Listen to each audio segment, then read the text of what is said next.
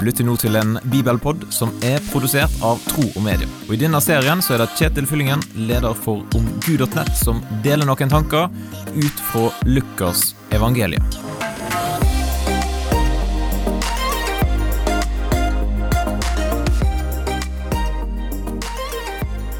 Er du glad i å gå til lege?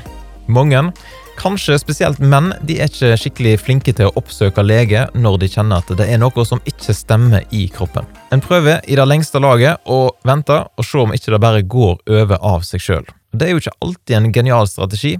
Studier og tall fra SSB de viser da at nettopp menn går langt sjeldnere til lege enn kvinner. Og menn er dårligere enn kvinner til å søke råd når de har helseplager. Og kanskje derfor så lever òg menn kortere enn kvinner. Hvem veit? I Lukas kapittel 5 vers 29 til 32 så sier Jesus noe om syke som trenger lege. Der står det Levi holdt et stort selskap for ham hjemme hos seg, og en hel del tollere og andre var sammen med dem til bords. Fariseerne og de skriftlærde blant dem murret og sa til disiplene.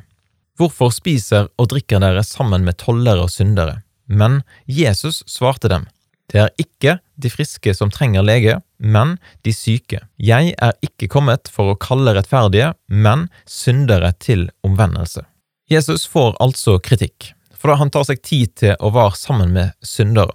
Men svaret sier noe vesentlig om hvorfor Jesus kom, og hva som var hans oppdrag. Jesus glatte ikke over situasjonen til oss mennesker. Han sier ikke at det var greit at Levi og de andre av kompisene hans bare fortsatte som før. Han sier da at det er noe som ikke stemmer i oss mennesker. Han kaller oss til omvendelse. Vi er smitta av noe som ikke vil gå over av seg sjøl. Vi trenger hjelp, vi trenger en lege som kan ta seg av oss og gi oss rett medisin, og den legen, da er Jesus. Jesus er legen som driver oppsøkende virksomhet. Han besøker Levi, og han oppsøker i dag nye mennesker og kaller deg og meg til omvendelse.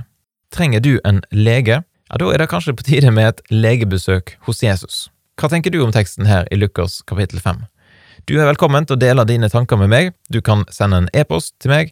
Da sender du den til kjetil kjetil.troogmedier.no. Det hadde vært veldig stas å høre ifra deg som lytter til podkasten.